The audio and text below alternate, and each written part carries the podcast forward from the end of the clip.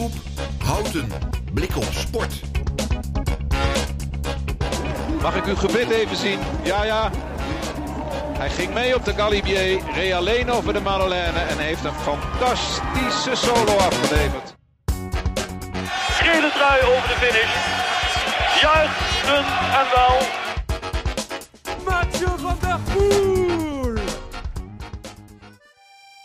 Welkom bij de derde aflevering van de speciale toureditie van Blik op Sport. We hebben een speciale gast vandaag. Niels van Ekeren komt langs en hij gaat zo vertellen wie hij is.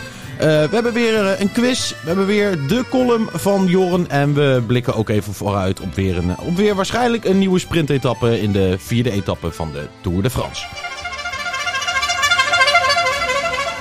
En tegenover mij zit, uh, ja, zit een, mag ik je een oud prof noemen? Ja, oud semi-beroepswielrenner zou ik zeggen. Oud semi-beroepswielrenner, dat, dat, klinkt al, dat klinkt al lekker. Maar je hebt uh, gereden voor, uh, voor Volker Wessels. Mm -hmm. uh, en, en twee jaar bij Metec, in 2021 en 2022. Ja, klopt helemaal. En nu heb je een podcast, een wielenpodcast, de Wat Als podcast.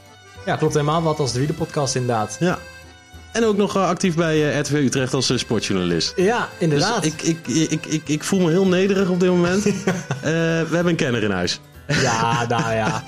Ik, uh, ik vind het heel leuk om uh, verslag te doen van, van wielerkoersen en wat ik zie om daarover te vertellen. En om mensen enthousiast te maken over het wielrennen als het ware. En ik ben zelf dan wel gestopt, maar ik vind de wielersport nog zeker heel erg mooi. Ja, want heb je, werd je vandaag enthousiast van de etappe? Zo, ik heb die laatste 10 kilometer wel echt uh, zenuwachtig op de bank gezeten, moet ik toegeven. Ja, en hoe kwam dat? Dat je zenuwachtig werd? Ja, dit was natuurlijk de eerste massasprint in uh, de Tour de France. Ja. En uh, ja, je ziet, kijk, ik ben zelfs nerveus terwijl ik op de bank zit. Maar die renners die hebben zoveel druk op zich staan. En al die treintjes, er, waren zo, er zijn zoveel sprinters bij. En allemaal hebben ze zoveel belangen. En ja, als je dan met z'n allen op die finishstraat afstoomt, dat, ja, dat is chaos. Wat mij nu ook heel erg opviel was uh, was natuurlijk al best wel lang. We hadden het nog even over Pichon. Uh, de Franse wielrenner. Wat zit hij nog uh, te hengsten op 40 kilometer van de, van de streep. Maar daarna was het gewoon alleen een peloton. Dus geen, ze hadden geen prooi meer. Dus daarom krijg je ook al die, al die treintjes natuurlijk. Ja, maar eigenlijk, je zag dat de snelheid zo hoog lag. Dat eigenlijk demer, een demarage, dat was, daar was geen plek meer voor. Ja. En dat, ja, iedereen wist natuurlijk al dat het een sprint ging worden. En dat begon eigenlijk al bij het begin van de dag. Waar je misschien van tevoren nog hoopte van misschien gaat... Alpecin uh, nog heel hoog tempo rijden. Dat er al sprints worden afgereden. Maar ja, in het begin uh, worden er eigenlijk meteen twee man laten ze wegrijden. Ja. Echt een hele simpele demarage als het ware. Want ze waren weg en er werd meteen uh, gecontroleerd daarachter. Ja. ja, dan weet je met twee man dan ga je nooit redden. En eentje voor de bergpunten natuurlijk. En Michel voor de Fransen, laten we het Fransen hopen. toch nog even een beetje exposure natuurlijk. Hè? Ja, precies. precies. Heb, je, heb, je, dat zelf ook al eens gedaan? Even voor de exposure toch even van... Ik, ik weet van, nou, ik ga het, niet, ga het niet redden, maar weet je, even je gezicht laten zien. Ja, ik heb dat, ik heb dat wel eens gedaan, ja. Ja, en, uh, ja zeker. Ik, ik weet ook wel te herinneren dat ik dus uh, één koers... We hadden het er al even in het kort over... Uh, dat ik met uh, Caleb Youn één race heb gereden ook samen. Ja. En um, dat ik daar in de kopgroep zat en dat je dan toch even iets langer op kop gaat rijden omdat de camera erbij is. omdat je dan toch even laten zien dat je er zit. Ja. En uh, ja, dat is toch wat extra motivatie. En ja, Tour de France is natuurlijk helemaal gekke werk. Want ja, ja zoveel publiek. Ja, dat is ongekend. Het, het, staat ook zo vol langs de lijn. En ook daar werd ik een beetje... Want ik zat ook met samengeknepen billen te kijken. Maar ook vooral het publiek dat gewoon nog half op de weg staat. En dan vlak van tevoren naar achter. En ze zitten allemaal met de telefoontjes tegenwoordig natuurlijk. Ik, ik, ik, ik, vond het weer levensgevaarlijk. Ja, er is natuurlijk bijna geen sport op te noemen waar je zo dicht op het publiek staat. En waar je ze eigenlijk kan aanraken. Ja. En uh, dat is aan de ene kant heel mooi. Maar aan de andere kant brengt het natuurlijk ook wel veel gevaren met zich mee. En ja. dit zag je eigenlijk ook in die finale weer dat uh, Fabio eigenlijk iemand in het publiek uh, kopte. Waardoor alle Filippo meteen begon te zeggen van jongens ga aan de kant, ga aan de kant. Ja. En ja, dat, dat wil je gewoon niet, niet hebben. Nee, nee, dat, dat lijkt me heel logisch. Zeker met uh, die story van uh, Fabio Jacobsen. Die, uh, die, ja, dat die nog steeds zo hard aan, aan het sprinten is, dat is sowieso al bijzonder, toch? Of niet? Ja, die heeft een kop van steen. Dat is niet, echt niet normaal. Ja, en uiteindelijk toch de lead-out. Die hebben we ook nog. Mathieu van der Poel. Die deed uiteindelijk de lead-out voor Philipsen en hij won. Ja. Stond je daarvan te kijken? Of, Nou, eigenlijk vond ik dat ze in de finale helemaal niet zo goed geplaatst zaten. En nogal ver van achter zaten. En het liefst zit je natuurlijk best wel goed van voren gepositioneerd. Uit het gedrang wil je blijven als het ware, omdat er zoveel wordt geduwd onderling. En plekken winnen is eigenlijk heel erg moeilijk. En dan moet je heel veel overschot hebben. Wil je langs de zijkant bijvoorbeeld er nog langskomen. Ja, wat Mathieu van der Poel natuurlijk wel heeft. Maar goed, Ja, die, Eh, die tikt af en toe nog zo'n steentje weg. Ook, Ja, hè? Dat, dat is pas prachtig. daar heeft hij ook nog de tijd voor ondertussen. Nee, maar eh, de meeste renners die kunnen dat niet. Ehm, en je ziet eigenlijk dat, dat Fabio Jacobsen perfect werd gebracht. Die zat de laatste 10 kilometer met zijn trein echt super. En die van Uno X staat op het einde ook nog super goed. Maar ja, uiteindelijk, eh Mathieu van der Poel doet één beurt. En Jacobsen zit goed. En, of eh Philipsen. Ja. Philipsen zit goed. En eh, ja, die is eigenlijk gewoon de rapste, zie je. Ja, ja want ehm, ja, dat, die heeft, dat was ook wel een beetje... Hij was een van de favorieten. Maar heb, je, heb, je, heb jij dan eigenlijk ook een favoriete sprinter? Of iemand waarvan je denkt, ah, dat, dat, dat vind ik nou echt... dat is echt een legende of een... Nou ja, ik ken Fabio een klein beetje persoonlijk. Ja. En eh, die heb ik een paar keer gesproken. En hoe hij is teruggekomen naar dit niveau na zijn crash in Polen is natuurlijk echt super bizar. En dat hij Ja. eigenlijk nu gewoon weer er staat. En misschien wel beter dan ooit. Dus dat vind ik wel een, eh een helder verhaal als het ware. Ja. Dus eh, daar, dat, ja, dat is wel een sprinter waar ik eh tegen opkijk als het ware. Want heb je ook tegen hem wel eens gefietst? Zeker, ik heb ook wel wedstrijden met hem gereden. En ook dat ik in de achterkant wel eens eventjes een praatje maakte met hem. En eh, ja, weet je, dit is gewoon heel mooi. Voor zo'n man heb je gewoon heel veel respect. Ja. Je kan er niet van maken. En kijk je dan ook echt van... Ik kijk neutraal, hè? de- maar kijk jij dan ook meer van... Oh ja, ik wil dat die wint. Of ik wil... Omdat, omdat je nog een beetje een band mee hebt? Ja, ja, toch wel een beetje. Toch wel een beetje. Maar je merkt ook, en dat heb ik heel vaak als ik dan koers kijk en je zit in de finale en je let eigenlijk op één iemand. De- je, kan, je ziet zoveel gebeuren in die finale. En als ik, ik let er dan bijvoorbeeld op Fabio en op een gegeven moment zie je ook dat hij wordt ingesloten. Dat hij eigenlijk al ja, niet meer meesprint. Dus Ja. die late, laatste meters waar hij eigenlijk net nog even die push wil maken. Ja, daar stopt hij eigenlijk al en dan weet je eigenlijk al, het is klaar. En Philipsen komt dan juichend over de strepen. En ja, dat heb ik al niet meer gezien, omdat ik dan zo op Fabio gefocust was, zeg maar. Ah ja, ja, ja. ja. Oké, dus dan zit je eigenlijk toch op één tv-scherm... zit je naar allemaal één klein deeltje van het tv-scherm te kijken. Ja, maar dat is ook het mooie van een Ja. sprint. Je kan tien keer terugkijken en tien keer zie je wat anders. Ja, dat is waar, ja. En dan ook nog een mooie beelden van bovenaf allemaal. Zo. En dan, Ja, eh, precies. ja. En Niels, je bent, je bent 23. Hoeveel, hoeveel wielrenners zitten er ongeveer nu bij die, waar je wel eens tegen gere- gereden hebt? Ehm, ja, toch eh, best wel wat. Ik heb met Sjoerd Baks eh, in, het, in het team gezeten. Die rijdt nu bij UAE, maar die, die rijdt niet mee in de Tour. Ehm, vanuit de Tour de France zit Lars van den Berg. Die rijdt nu bij FTG mee. Ja. Die was dan eentje een jaar hoger dan mij. En die reed ook bij Metec. Ehm Tijmen Aresman heb ik eh, mee in team gereden. Ook best wel wat voor op kop gereden. Nog eh, bij de jongere categorie. Eh, die rijdt natuurlijk nu bij Ineos. Ehm, kijk, in de, in de categorie zelf denk ik dat ze vooral, die jongens nu vooral aan het doorbreken zijn. Die, maar die rijden nog niet in de Tour de France zelf.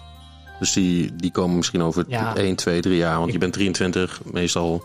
Ja, Eigenlijk is het normaal dat, dat de goede wielrenners rond de 25ste echt een beetje doorbreken, toch? En dan, Ja, al wordt dat wel Maar dat wordt steeds jonger, hè? Steeds jonger, omdat de talenten gewoon echt wel boven komen drijven. Ik bedoel, ik heb in koers gereden met Remco Evenepoel. Die gast die rijdt, dat is echt niet normaal. Dat is mijn lichting, die rijdt zo hard. ja. Dat is echt, ja, dat is niet te beseffen. Weet je wel, toen, toen ik bij de junioren reed en ik reed een koers met hem, toen was ik op een gegeven moment na, na, na 13 kilometer denk ik of zo. Toen was ik in mijn eentje weggereden. En ik hoorde van eh, iedereen, eh, die Remco, ja, die kan heel hard rijden. En ik dacht, ja, het zal allemaal wel. Eh, als iedereen naar hem kijkt, dan rijd ik wel weg. Ja. Dus op een gegeven moment had ik een eh, anderhalf minuut voorsprong in die koers. Dat was een klassieker van 130 kilometer. En op een gegeven moment kijk ik achterom en ik denk, nou, ze komen denk ik wel. Dus ik ging iets rustiger de berg op en ik kijk nog eens achterom. En ik zie één kleine jongen zie ik op kop rijden. De hele peloton op een lint, bergop. Ik denk, die komt wel heel rap aanzetten. dus eh, dus ik, ik denk, oké, wat ga ik doen, weet je wel? Ik ga zo wel proberen aan te sluiten. Nou, hij kwam langs. Ik moest sprinten voor mijn leven. En uiteindelijk sloot ik wel aan. En, en we waren nog met tien man over. En de volgende klim die we oprijden naar 70 kilometer. Nou, ik heb gewoon een kilometer lang lopen sprinten omhoog en ik werd eraf gereden. ja. En ik dacht bij mezelf, wie is deze jongen? Nou ja, en uiteindelijk is het ook wel gebleken dat hij natuurlijk gewoon echt een multitalent is. Ja, dat eh, mogen we. En hopen dat hij eh, een keer met de Tour mee gaat doen natuurlijk. volgend Nou ja, jaar. dat- gaat wel gebeuren. Dat maar- gaat zeker wel gebeuren, daar ben ik niet bang voor. Maar zulke jongens, ja, weet je, die zijn gewoon zo goed. Die komen vanzelf bovendrijven. Maar dat merk je ook wel. En eh, andere jongens waar ik mee heb gereden, ik dacht net nog Olaf Kooi. Ik heb ook wel een paar keer mee op het podium gestaan. Ja. Die, eh, die sprint natuurlijk nu ook supergoed voor Jumbo-Visma. Die gaan we ook nog wel een keer in de Tour terug Ja, want die was heel goed met het NK natuurlijk, hè? Ook, ook Ja. bergop. Maar ja. Dus Ja. dat, was heel, eh, dat was mooi om te zien. Ja, Ja, en de rev- revolutie die bij het NK kwam van Frank van der Broek. ja Frank van den Broek, ja zeker. Ja, ja, ja. die, die moet een stap gaan maken. Ja. die, die moet nu even naar, eh, naar een grotere ploeg, toch? Of niet? Ja, daar heb ik me echt over verbaasd. Die jongen, daar heb ik ook wel eens mee gereden. En daar heb ik zelfs een keer mee bij de junioren weggezeten. En toen waren we met z'n twee weg. En toen eh sprint ik hem eraf. En toen werd ik één en hij twee. Ja. Maar hij rijdt nu zo hard dat ik echt bij zelf denk... Die, gaat, die, ja, die kan niet anders dan prof gaan worden. Maar goed, dat gaan we zien. Ja, dat, dat gaan we zien. En dat gaan we later ook nog even bespreken met Niels. Want Niels eh, die sluit vaker aan. We gaan meerdere thema's over wielrennen met hem. ja, wat tijdens de Tour actueel wordt. Gaan we bespreken. Eh, en dat hoor je ook nog in latere afleveringen. Dus eh, nou, eh, Niels komt zeker eh, vaker terug. Gezellig. Dankjewel Niels. We gaan door met de column van Jorn. De beste stuurlui staan aan bal. commentator zijn. Je moet het maar willen. En dan niet commentator over wereldse zaken, als de oorlog in Oekraïne, klimaatverandering of artificial intelligence. Nee, commentator van sportwedstrijden. Specifieker nog, de Tour de France. Een koers van drie weken, waarin 176 renners verdeeld over 22 ploegen en 21 etappes naar Parijs fietsen. Rondom deze renners staan hele ondersteunende teams, met ploegleiders, mechaniciens, masseurs en zelfs eigen koks.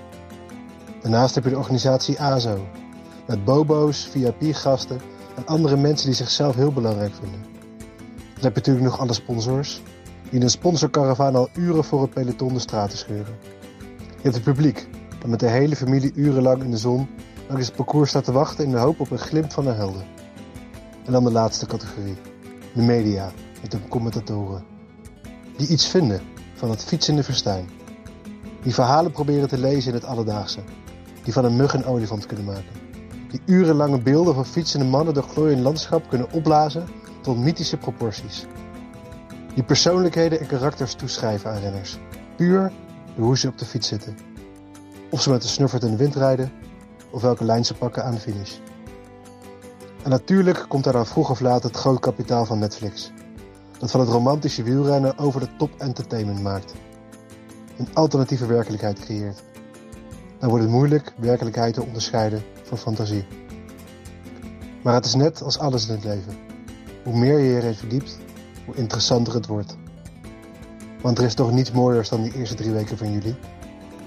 Maar probeer het vooral niet uit te leggen aan je hardwerkende collega. Want die snapt er geen bal van. Dus jij vandaag vier uur naar het commentaar van Stef Clement zit te luisteren.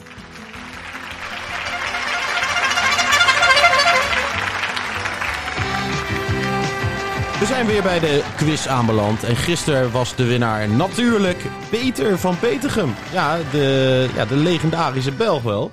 Vandaag hebben we ook weer een nieuwe quiz en we zoeken het volgende. Hij werd prof in 2000, deed 11 keer mee aan de Tour de France, won 12 keer een etappe en won 2 keer de groene trui. Hij begon in 1999 met, eh, bij eh, Credit Agricole en bleef daar tot en met eh, 2008. Daarna heette zijn team Cervelo Testteam van 2009 tot 2010.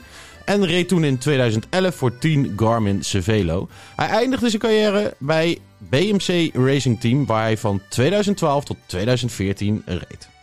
Wie oh wie is deze renner? Zend nu je inzending naar Blik op Sport op Instagram. Eh, Stuur dan even een DM. Of stuur een e-mail naar ruben.omroephouten.nl Ja, dan gaan we naar de, de, de dag van morgen. eh, want er komt natuurlijk weer een, eh, nieuwe e- etappe aan. Etappe 4, dinsdag 4 juli. En die gaat van eh, Dax naar Nogaro. En ehm, ja, het is bijzonder, want het eindigt op een, op een autocircuit. Ja, en, en die Merckx is er ook al een keer eerder te winnen. En die Merckx wist er ook al winnen. Nou, wie moet er dan eigenlijk winnen morgen? Ja, eh, Fabio Jacobsen. Ik dacht dat je Mark Cavendish zou zeggen natuurlijk. Dat zou wel heel zou, mooi zijn. Dat zou wel heel mooi zijn, ja, Ja, inderdaad. want dan pakt hij zijn 35ste. hè?